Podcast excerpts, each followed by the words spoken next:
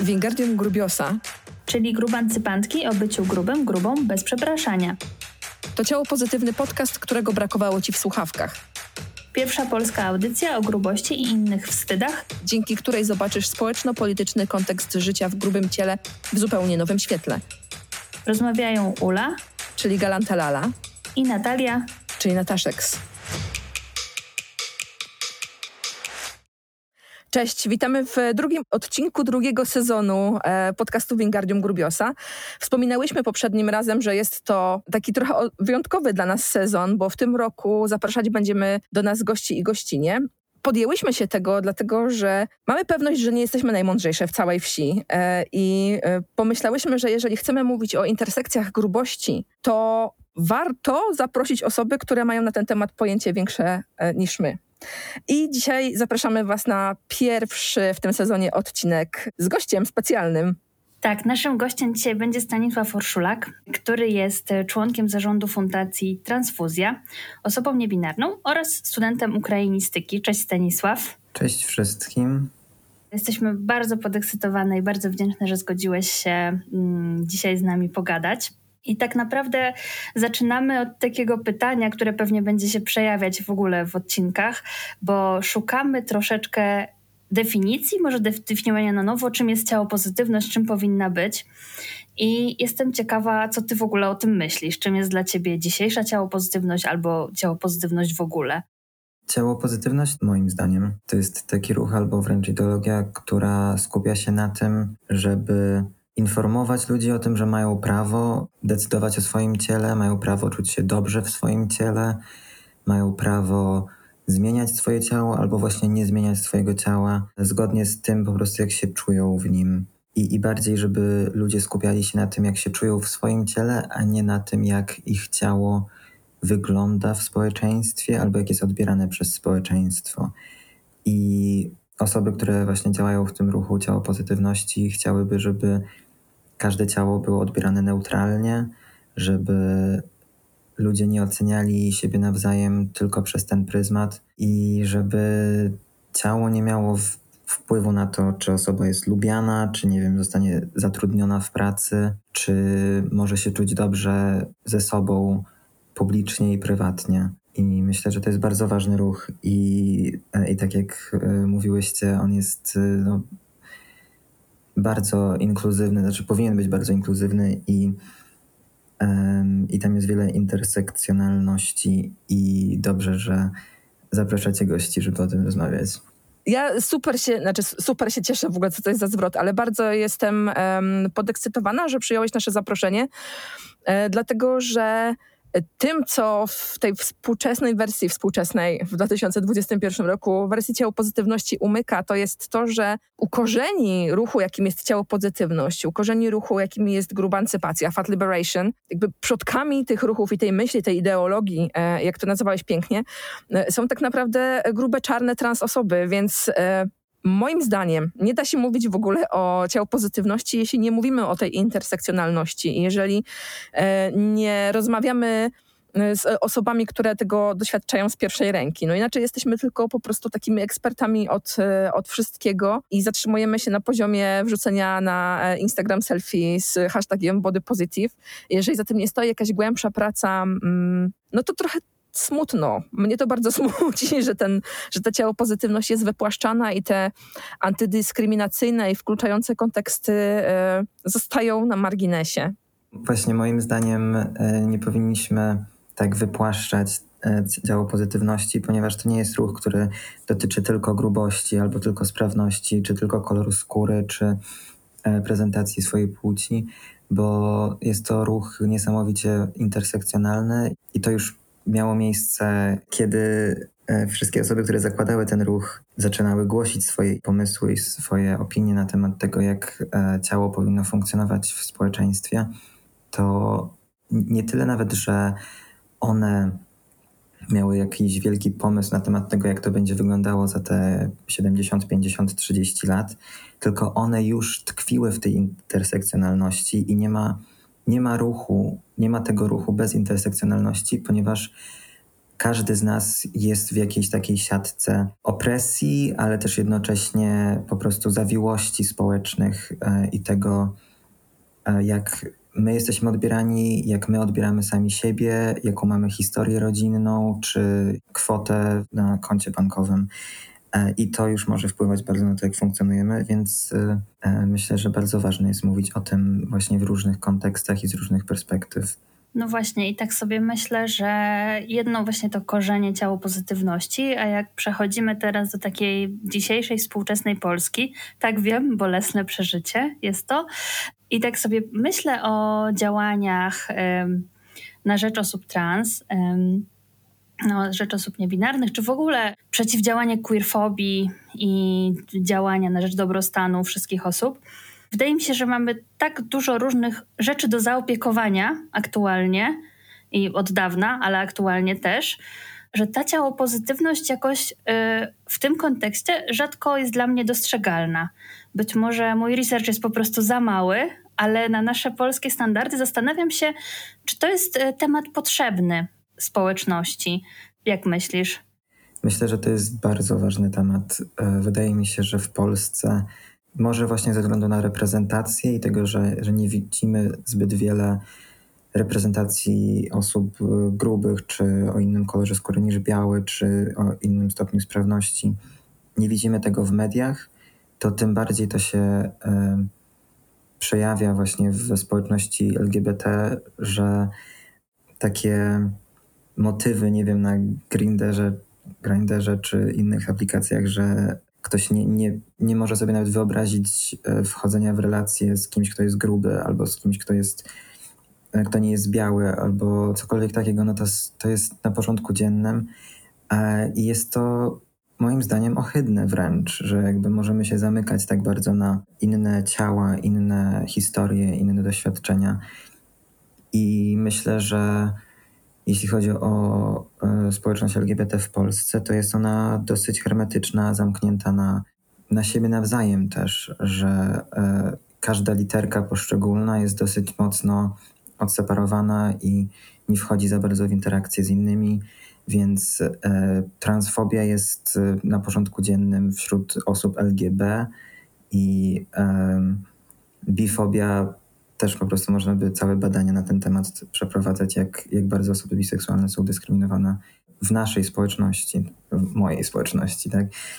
Więc dlatego myślę, że e, bardzo ważne jest, żeby o tym mówić, mówić o tej inkluzywności, o tym, jak bardzo ciało jest neutralne i powinno być odbierane jako neutralne, e, czy wręcz właśnie dojść do tego, żeby było celebrowane takie, jakim jest, a nie rozkładania tego na jakieś części i, i analizowania tego, w, że coś jest nie tak, coś jest złe, coś powinno być zmienione.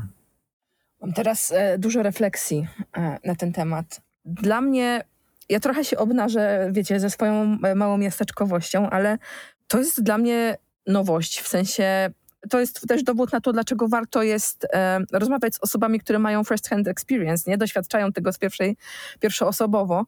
Bo ja jakoś miałam w swojej głowie takie wyobrażenie, że generalnie osoby doświadczające e, dyskryminacji systemowej, doświadczające pewnych traum, mają takie silniejszą potrzebę budowania mostów między y, ludźmi, którzy je otaczają i generalnie takiego większego łączenia się w społeczności. E, I, i z tym, co powiedziałeś przed chwilą, ja się zetknęłam pierwszy raz w rozmowie z e, Łukaszem Rembasem, Adelonem. E, I Łukasz wspomniał mi, że właśnie e, poza dragiem jego ciało, jest, on jest po prostu du dużą osobą, nie jest postrzegane jako atrakcyjne, natomiast w dragu w ogóle wow, zwraca uwagę i wszyscy są zainteresowani. I to też jest w ogóle fenomen, coś, co, co warto by było e, gdzieś tam zgłębić i, i rzeczywiście sprawdzić badaniami, nie? z czego to wynika. Myślę, że to może wynikać z tego, że e, grube ciała męskie są często odbierane jako mniej męskie.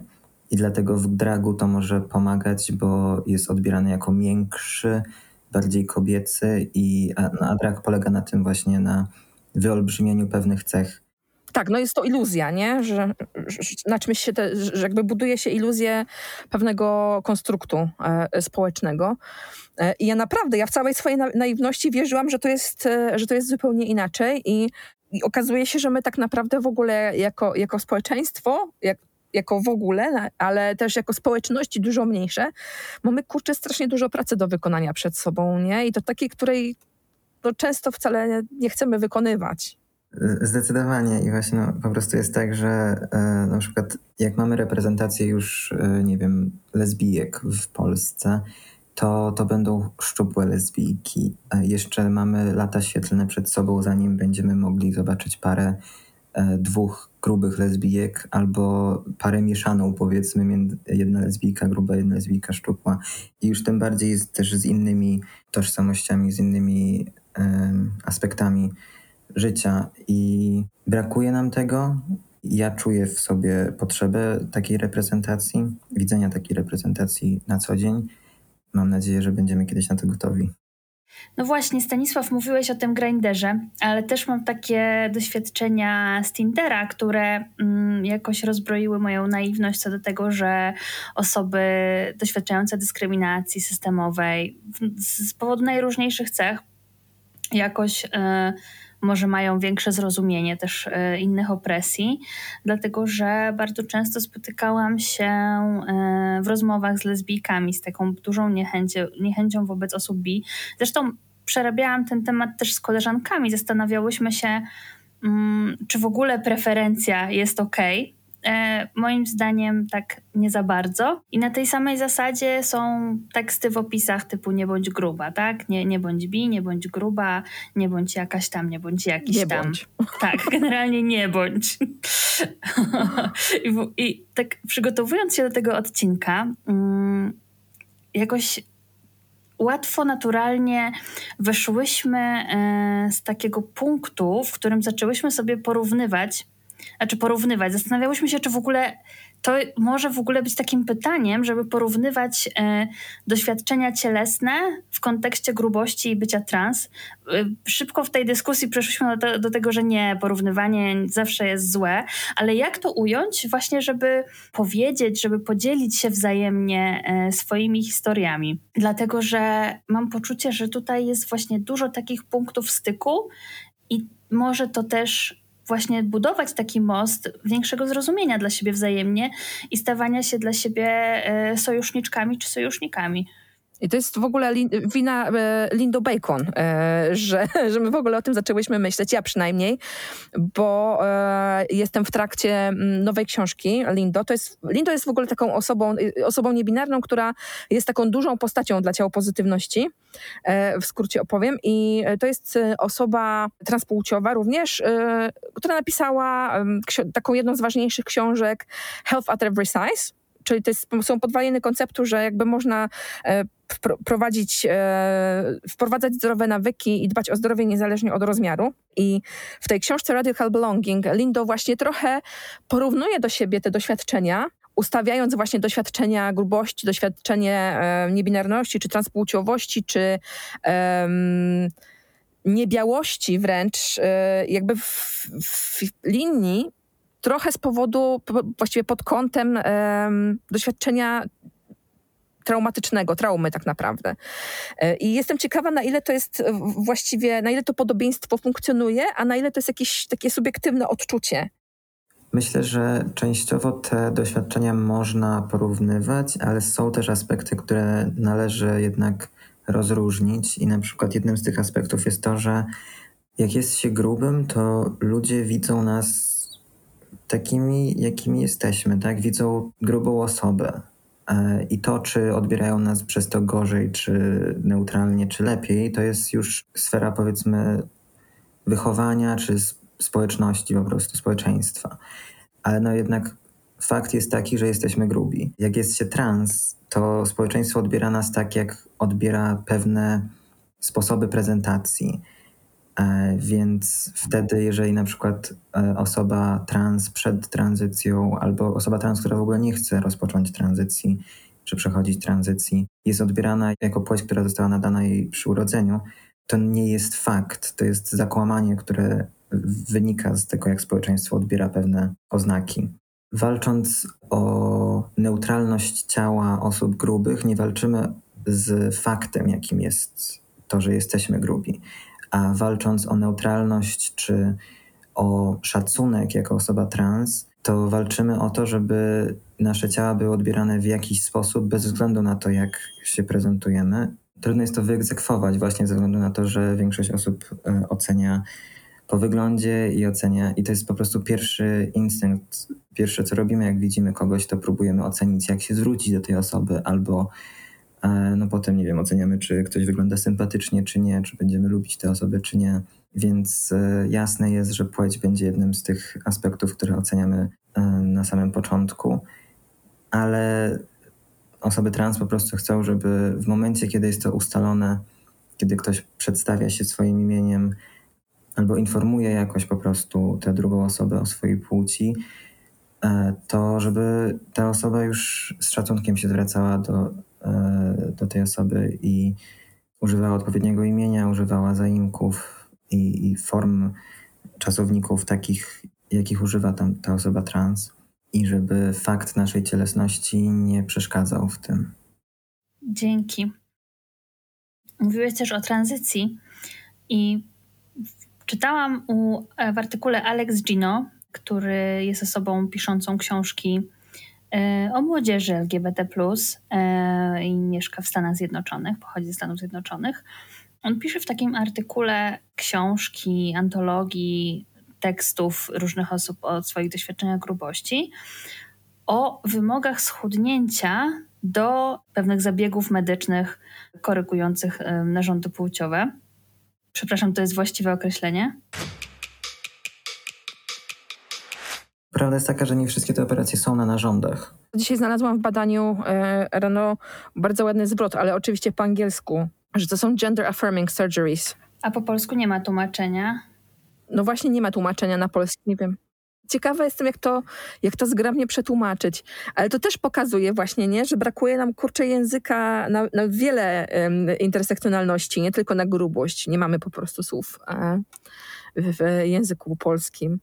Bo to tak, tak, bardzo mi się pozytywnie e, kojarzy gender affirming surgery. Tak, i, ta y, operacja afirmująca płeć czy byłaby taka zła? W sensie to tłumaczenie dosłowne? Myślę, że możesz tego użyć. Myślę, że jakby. To nie jest, to, wydaje mi się, że to nie jest stosowne tłumaczenie, bo afirmująca to by było um, affirmating. A affirming to jest takie, takie utwierdzanie, takie um, usankcjonowywanie, nie wiem jak to przetłumaczyć. Że takie potwierdzająca. Okay. Jakby. Mhm. Jak to to też nie jest dosłowne tłumaczenie. Nie, nie, ma, nie, nie umiem znaleźć słowa takiego dobrego na to. Ja często, je, jeżeli wchodzę w temat intersekcjonalności, to mam duże poczucie niezręczności. W sensie wiem o tym, że będę je miała i to jest dla mnie jako osoby sojuszniczej w, w różnych kontekstach oczywiste, że będę mieć różne dyskomforty na różnych poziomach, ale rzeczywiście E, ta językowa jest dla mnie jakaś taka trudna, bo chciałabym z jednej strony właśnie, żeby było jak najlepiej to powiedziane. Operacje, na które osoby trans decydują się jako część swojej tranzycji, to nie są tylko operacje genitalne. To jest też na przykład e, plastyka twarzy, czy piersi, czy pośladków. To są też elektrolizy, usuwanie włosów. No i też te operacje genitalne, ale nie każdy się na nie decyduje i nie dla każdego to jest najważniejszy aspekt ich medycznej tranzycji. A czy myślisz, że można w takim razie tego, że to są zabiegi uzgadniające płeć, korzystać jako z terminu parasolowego, bo to nie dotyczy de facto hmm. samych zabiegów genitalnych, tylko wydaje mi się, że jakiejś takiej szerszej. Tylko pytanie, czy ja mam dobrą intuicję tutaj językową, nie? Że... Tak, myślę, że tak, bo to dotyczy właśnie po prostu różnych aspektów, cech nie? płciowych i dla każdego to mogą być inne cechy. Dla niektórych osób ich brwi czy łuk brwiowy może po prostu tak bardzo powodować dysforię płciową właśnie, że decydują się na e, operację e, twarzy. A dla niektórych osób e, to jest neutralna cecha i, i nie chcą tego, więc myślę, że tak, że możemy na potrzeby rozmowy stwierdzić, że to są operacje afirmujące płeć. Czy może w ogóle nie operacje, tylko zabiegi w ogóle różne zabiegi. na przykład. To mhm. jest szerzej, nie? Jeszcze. Tak, tak. Alex e, Gino pisze o wymogach stawianych osobom trans e, w drodze do me medycznych e, procesów uzgadniania płci. Jednym z tych wymogów jest właśnie schudnięcie. I pisze Alex, że no to lekarze właśnie i lekarki to są osoby, które powinny dostosować się, nauczyć się. Przecież to też nie jest nowość te zabiegi, które wykonują.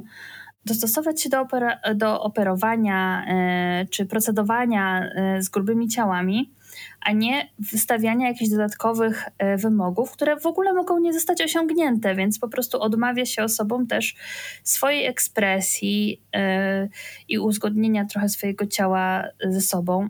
Ja szukałam badań na ten temat, bo to mnie e, bardzo interesowało i znalazłam takie badanie, które mi zapewniło taki soczysty mindfuck, że naprawdę do tej pory nie wiem do końca, co o tym myśleć, bo to jest e, badanie, którego e, tytuł z grubsza przetłumaczony na język polski brzmi, że wysoki body mass index jest znaczącą barierą do przeprowadzania zabiegów uzgadniających płeć dla osób transpłciowych i niebinarnych. I generalnie wnioski z tego badania po prostu wracają do punktu wyjścia. W sensie tam badanie polegało na tym, że na próbie bez mała półtora tysiąca osób, tam sobie zbadali, okazało się, że 26% uczestników tego badania to były osoby, które były zdefiniowane jako otyłe według Bullshit Mass Index. E, to były osoby, które podchodziły do, do konsultacji zabiegowych e, z przedstawicielami ochrony zdrowia. No i e, to, te osoby e, opowiadały o swoich doświadczeniach, o tym właśnie, że lekarz powiedział, ok, dobra, ale trzeba schudnąć. No i te osoby potem był follow-up w tym badaniu. No i sprawdzano, czy e, samo zarządzanie regulacją e, wagi ciała jest e, w ogóle wykonalne. No i oczywiście, surprise, surprise, zaskakujący e, rezultat, że nie to, że powiemy ludziom, że muszą schudnąć do operacji, wcale nie sprawi, że oni schudną. I to jest takie badanie trochę dziwi mnie, że zostało przeprowadzone, w sensie już to wiemy, bo to zostało jakby w innych miejscach zbadane, że wiemy, że to samo zarządzanie wagą ciała poprzez odchudzanie i w sensie odchudzanie, czyli ograniczenie spożycia e, pokarmów i zwiększenie aktywności ruchowej to nie jest strategia, która jest skuteczna i utrzymywalna na dłuższą metę. I właściwie potrzebowaliśmy zrobić całkiem osobne badanie po to tylko, żeby sobie to potwierdzić, zamiast e, na przykład zbadać to, co sprawia, że lekarze stawiają te granice. Nie? Że trochę nawet jakby w badaniach kiedy podchodzimy do, do tej, tego, tego przecięcia grubości z transpłciowością, no to, to mamy taki, po prostu tutaj jest, tak, mam wrażenie, tak duży jakiś taki bias i dużo uprzedzeń i taki, dużo takiego publicznego wstydu e, wokół e, tego zjawiska, że, że po prostu nawet jak konstruujemy sobie badania, to one tak naprawdę nie badają tego, co jest najważniejsze dla osób, które potrzebują takich zabiegów i które podchodzą do tych zabiegów, tylko badamy to, co nam się może wydawać w jakiś sposób interesujący. Ale to jest y, po prostu na porządku dziennym i, i też nie rozumiem zupełnie, dlaczego medycy, lekarze nie są uczeni pracy z osobami grubymi. I na przykład słyszałem ostatnio, że żeby w ogóle oddać, oddać swoje ciało pośmiertnie um, nauce, to też trzeba spełniać wymogi wagi i nie można, ciało nie może ważyć więcej niż ileś tam, czy mieć BM, BMI większe niż ileś tam. I to jest tak absurdalne, bo wtedy żaden lekarz, żaden medyk nie jest w stanie się uczyć tych operacji na, na, na ciałach osób grubych. I potem oczywisto, oczywistością jest to, że będą odmawiać przeprowadzania zabiegów na, osób, na osobach, e, które mają BMI powyżej tam 35 czy ilość tam. I ja znam osobiście przypadki osób trans, którym odmówiono operacji właśnie ze względu na te wysokie BMI. Dla mnie to jest po prostu karygodne, ponieważ no wiadomo, wiadomo, że są jakieś ryzyka związane z narkozą, czy, czy z oddychaniem podczas operacji, czy czymkolwiek takim, ale no to należy zrobić wszystko, co jest możliwe, żeby nauka poszła w, do przodu, żeby, żebyśmy mogli obejść te ograniczenia ludzkie, a nie żeby próbować wmuszać osoby w nasze ograniczenia. Tak? To, że ja, ja nie jestem winny temu, że medycyna nie jest w stanie mnie akomodować, tak? To, to nie jest moja wina, to jest całkowicie stoi po stronie medy, medycyny i myślę, że Już jeśli chodzi w ogóle o transspecyficzną medycynę w Polsce, to leży kompletnie. Jestem w stanie wymienić po prostu kilka nazwisk, które mógłbym polecić komuś, a pozostali specjaliści to y, po prostu bym najgorszemu wrogowi nie, nie życzył pójścia do tych specjalistów. I tu chodzi o samych seksuologów.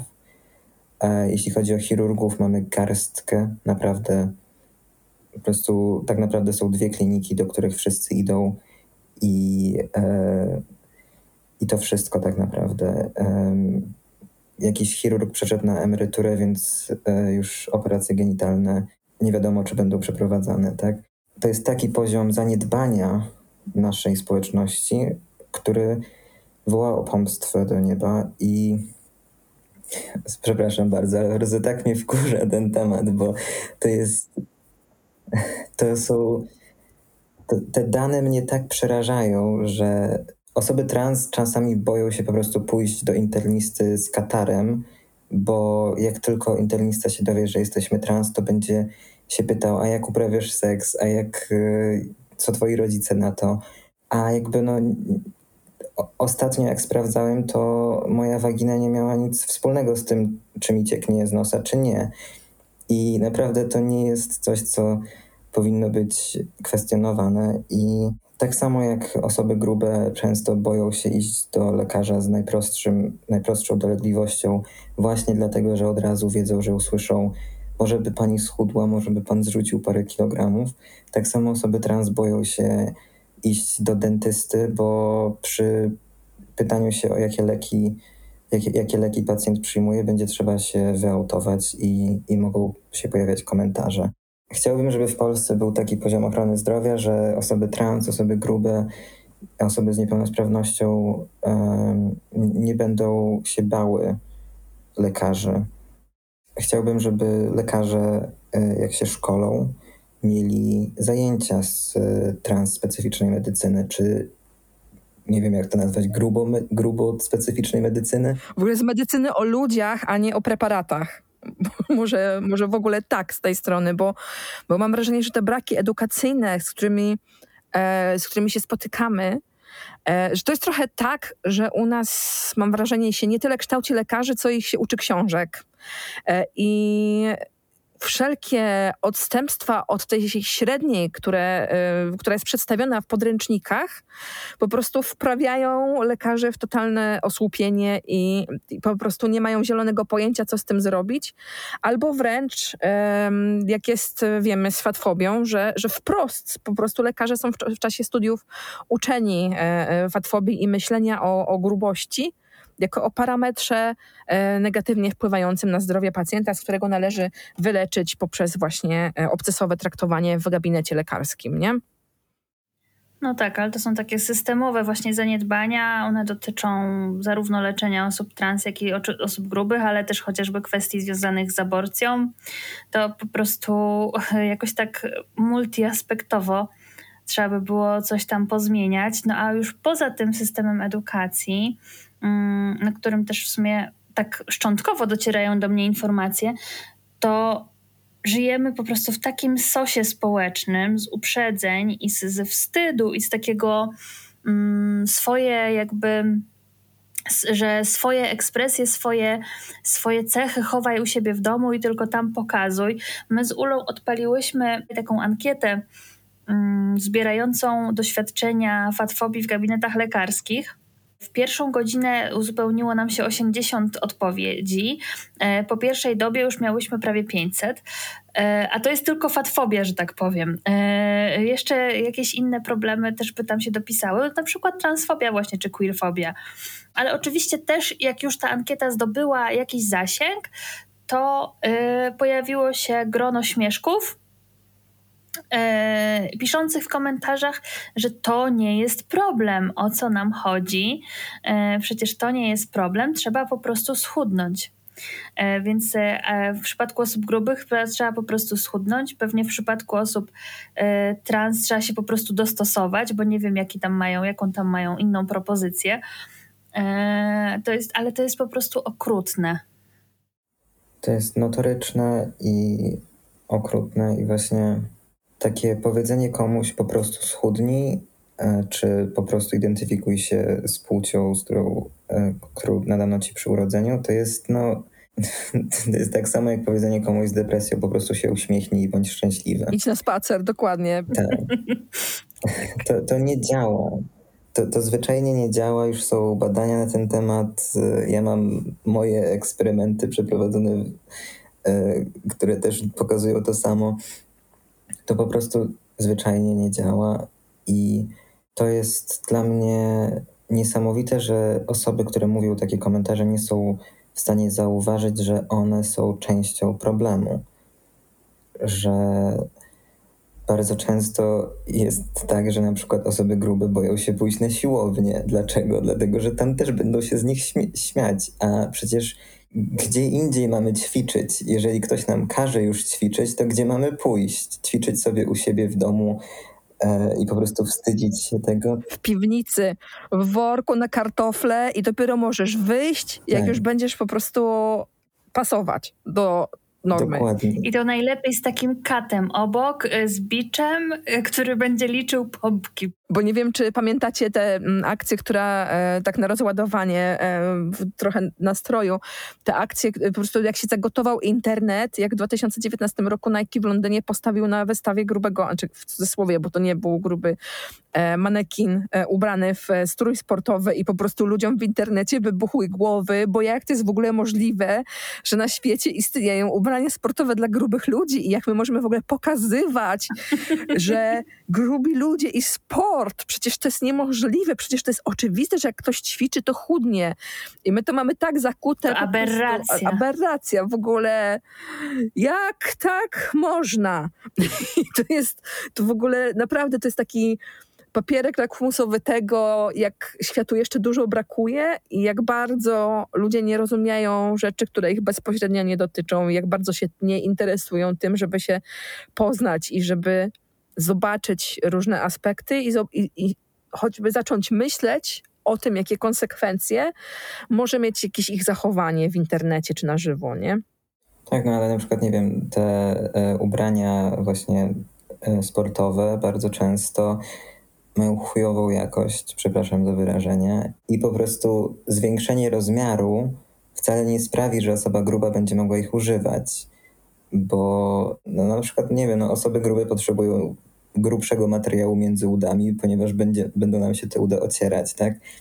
I, I w takim razie już takie ubrania sportowe, które pasują na osobę grubą, ładnie wyglądają na osobie grubej i są użyteczne, będą kosztować więcej. I to już jest całe błędne koło, że jakby żeby schudnąć, musisz mieć pieniądze, żeby schudnąć, musisz nie wstydzić się pójść na siłownię, czy nie wstydzić się pójść do dietetyka, żeby usłyszeć od tej osoby e, jakieś e, komentarze, czy właśnie trzeba wybrać dietetyka, który ci e, nie będzie komentował tego, tylko zachęcał cię do e, zdrowszych, zdrowych wyborów żywieniowych. No ale już sam fakt tego, że nasza rozmowa już jest trochę e, poprzecinania na taką zinternalizowaną fatfobią, bo przecież nie każda osoba gruba jest niezdrowa, nie każda osoba gruba chce schudnąć, nie każda osoba gruba. Są osoby grube, które mają e, bardzo wysoki, nie wiem, współczynnik mięśni do masy ciała i są zdrowsze, będą żyły dłużej niż osoby chude, które jedzą pizzę cały, cały czas. To jest po prostu temat rzeka już myślę.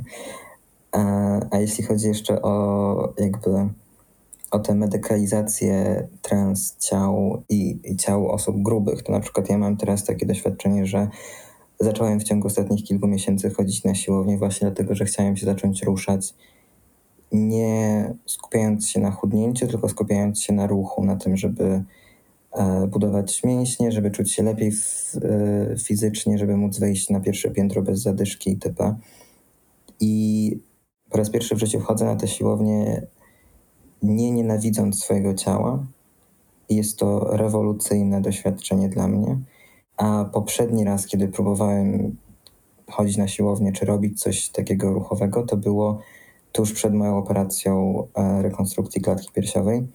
I robiłem to właściwie tylko i wyłącznie dlatego, że mój chirurg dał mi do świadomości, że powinienem trochę schudnąć przed operacją, a że będą lepsze wyniki estetyczne, jeżeli zarysuję trochę mięśnie klatki piersiowej. No i w ogóle, że, że będę lepiej wyglądać po operacji, jak będę szczuplejszy.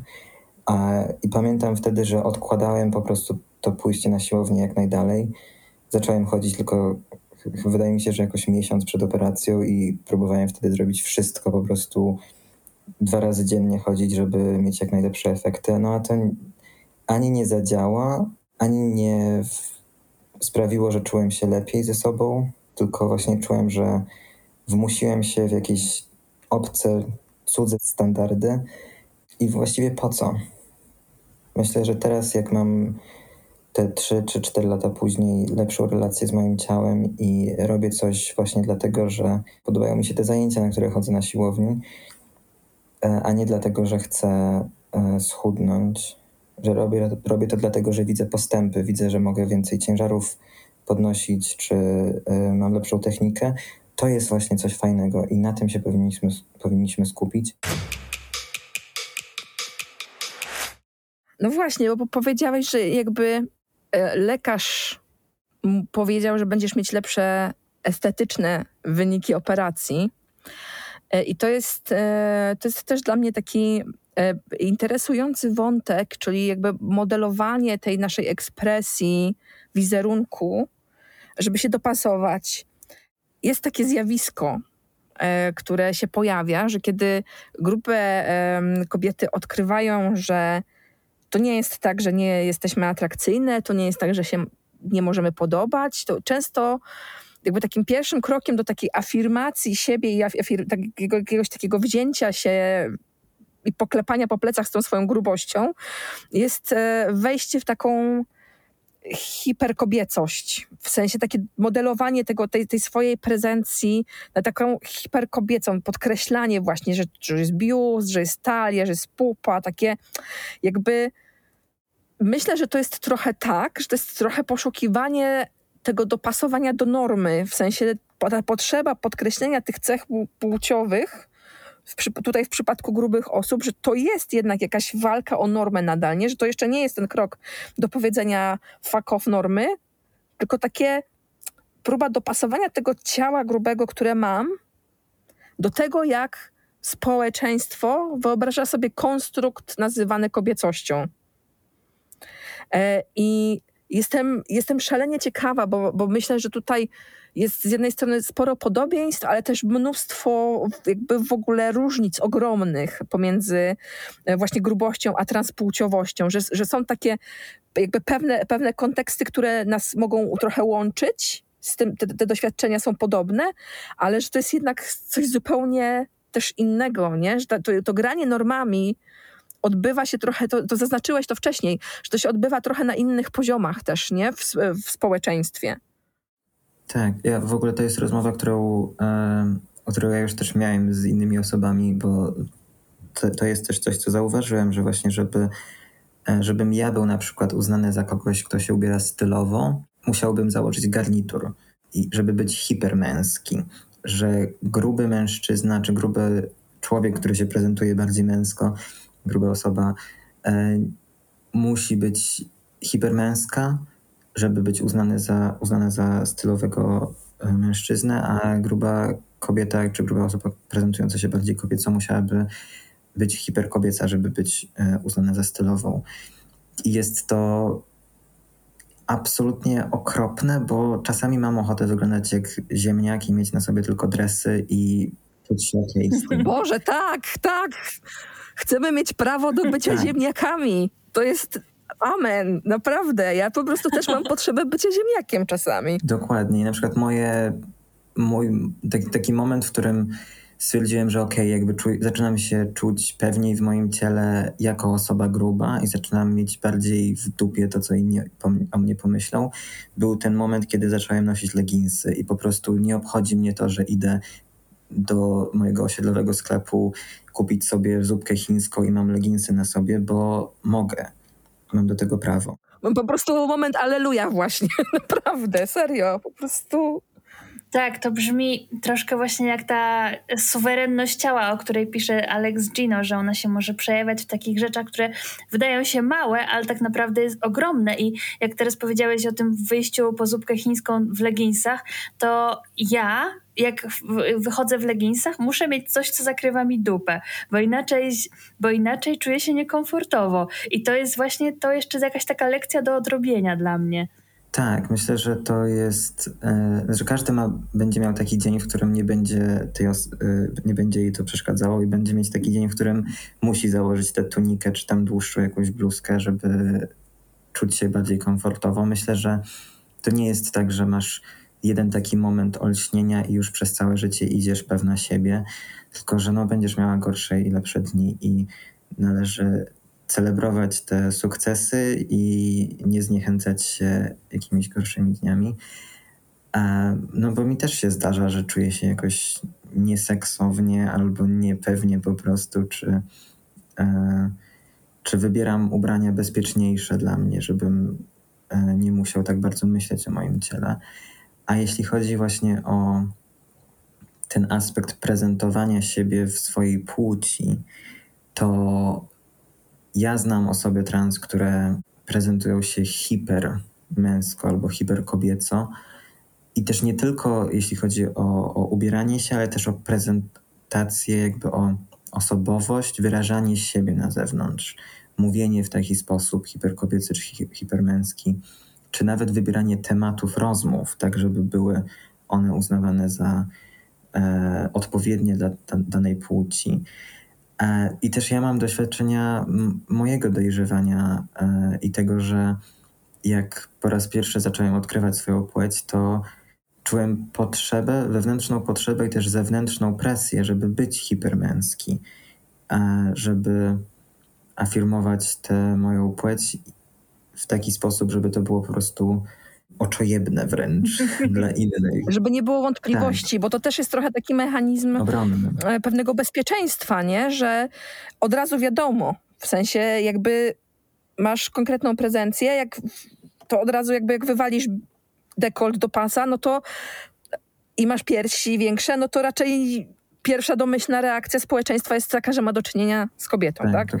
Więc to też jest jakiś, jakiś mechanizm y, trochę obronny i wydaje mi się, że to, to też ten, o którym powiedziałam, że, y, że grube laski to robią, że to też jest mechanizm obronny, że trochę wykorzystujemy tę normę, która jest, bo, bo to, to daje pewne bezpieczeństwo, nie? Jak się uczysz poruszać w systemie, który cię otacza, i uczysz się tego korzystania z trików różnych, no to, to daje pewne poczucie bezpieczeństwa nie? Na, na, na różnych etapach.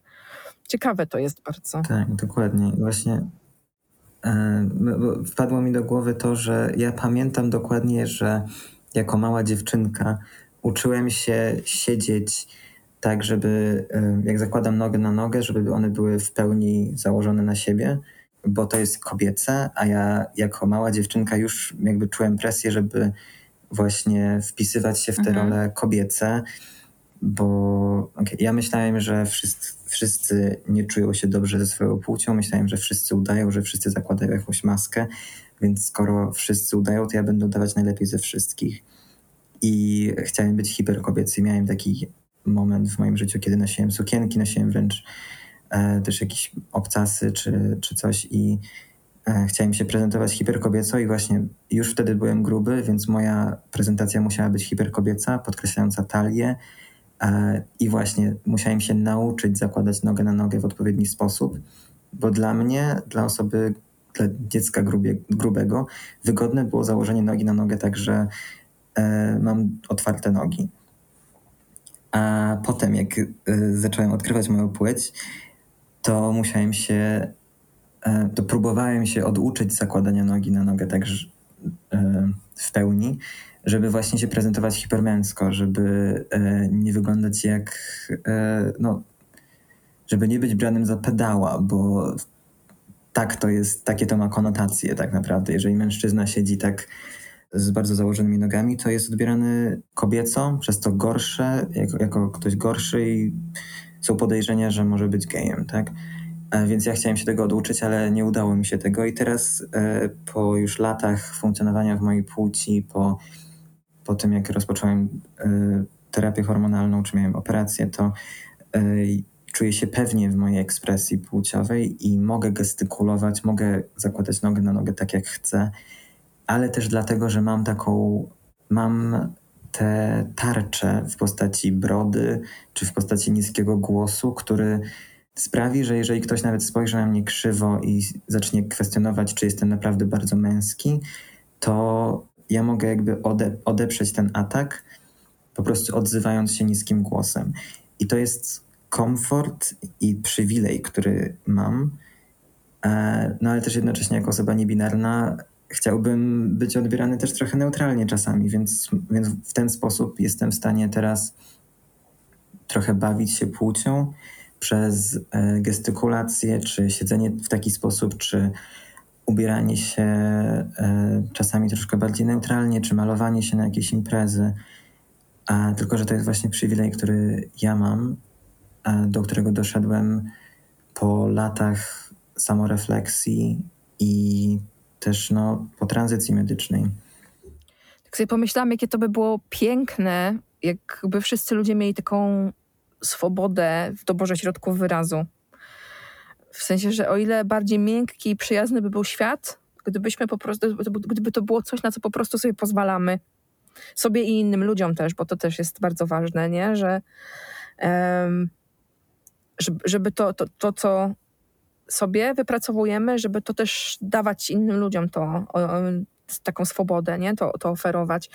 To jest też e, coś, co, co jest dla mnie dosyć nowe, właśnie pochodzi z książki, o której wspominałam, z Radical Belonging, Lindo, że, e, że właśnie to, to powiedzenie o tym, że to, co sobie wypracowujemy, że ta samoakceptacja, że wszystko, co robimy, to jest super, że robimy to dla siebie, ale dopóki nie będziemy tego rozdawać innym i nie będziemy w to wciągać innych osób, no to, to, to nie stworzymy tego, tej radykalnej przynależności, nie stworzymy tego bezpiecznego świata, że kurde, to jest taka po prostu, to jest, to jest Polska, w której chciałabym żyć. po prostu, w której jest ta, ta, ta wolność doboru środków wyrazu, po prostu zależna od naszego humoru, a nie od okoliczności i systemu, które na nas wymuszają konkretne rzeczy, nie? To jest w ogóle świat, w którym chciałabym żyć.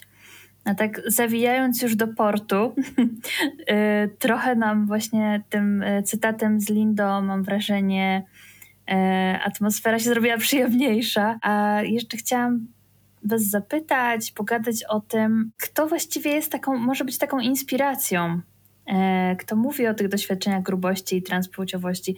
My z Olą już mówiłyśmy o, o Lindo, po pierwsze, po drugie o Aleksie, czy Alex. W sumie nie wiem, jak po polsku by się odmieniało, żeby było dobrze i komfortowo. Polski język wszystko utrudnia. Nie, w ogóle polski język mam wrażenie, że jest y, dużo, dużo trudniejszy y, też niż, niż angielski i dużo wolniej przyjmujący e, nowe pojęcia i nowy sposób myślenia w ogóle, nie? że on dłużej nam tu w Polsce zajmuje. Myślę, myślę też w zgodzie z um, hipotezą Sapira Whorfa, że trochę też jest tak, że przez to, że nasz język tak opornie przyjmuje nowe rzeczy, że przez to też nasze myślenie tak opornie nowe rzeczy um, przyjmuje. Że to jest ze sobą zazębione, nie? że język trochę jednak kreuje rzeczywistość, w której żyjemy, a nie tylko rzeczywistość kreuje język i przez to może nam jest też trudniej Owszem, dlatego feminatywy. Feminatywy są spoko. tak, ale też tak sobie y, zdałam sprawę, że tak naprawdę mamy taką role model osobę w Polsce, która nawet była posłanką. Przecież e, Anna Grodzka y, też można określić jako osobę grubą. Co prawda nie wiem, czy ona kiedykolwiek w tym kontekście się wypowiadała, y, ale tak ja byłam wtedy pod wrażeniem e, jej roboty po prostu, jak była posłanką, a, a to już przecież było jakiś czas temu. Ja pamiętam, kiedy ona wchodziła e, do polityki. Ja jeszcze wtedy byłem małą dziewczynką i nie byłem świadomy swojej transpłciowości, ale pamiętam, że bardzo intensywnie broniłem jej e, przed atakami moich rówieśników. Jak ktoś tam komentował, czy nie wiem, cytował jakieś demotywatory, czy cokolwiek tam było wtedy w internecie, e, to czułem, już wtedy czułem taką solidarność z jej doświadczeniem. I tak, i w sumie to było bardzo ciekawe. Ona była też e, taką osobą, która otworzyła Polskę na transpłciowość i też otworzyła wielu transpłciowym osobom wtedy oczy na to, że oni też mogą e, się ujawnić przed samym sobą i żyć w zgodzie ze sobą. Więc myślę, że tak, ona jest naprawdę ważną postacią dla ruchu trans w Polsce i no i tak, to prawda, jej, e, jej wizerunek, jej obecność w mediach, to, że była głośna wtedy i była unapologetic, nie wiem jak to powiedzieć po polsku. No tak, nieprzepraszająca brzmi tak na siłę trochę, ale, ale wiemy o co chodzi. Yy, tak, bez, bez wstydu, bez przepraszania. Po prostu tak, była sobą bez wstydu. Tak jak w naszym motcie o byciu grubym grubą bez wstydu.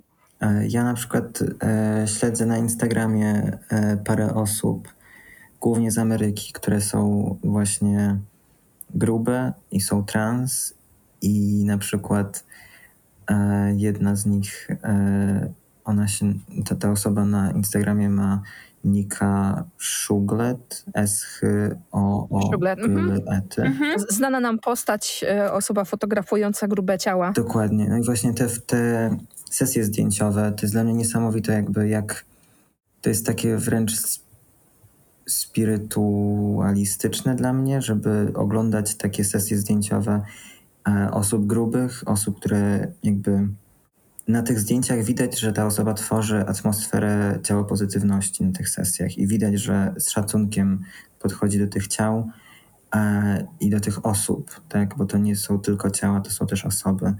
E, I, I moim zdaniem właśnie każda gruba osoba i każda trans osoba powinna e, przejść przez swoje media społecznościowe i zobaczyć, kogo śledzi, usunąć wszystkie te osoby, które, po których widać, że nie budują takiej atmosfery i, i widać, że w jakiś, w jakiś sposób, może nieświadomie, podtrzymują pewne toksyczne, e, fatfobiczne czy transfobiczne postawy i e, znaleźć takie osoby na, na tych mediach społecznościowych, które właśnie, których celem jest szerzenie tej ciało pozytywności i wtedy od razu to może wpłynąć na nasze myślenie, no bo jednak to, jakie media pochłaniamy, będzie kreować też nasz światopogląd i, i potem wpływać na to, jak przez życie będziemy iść. I, I dla mnie to było bardzo ważne, jak znalazłem tę osobę na Instagramie i e, jak jakby zobaczyłem, że można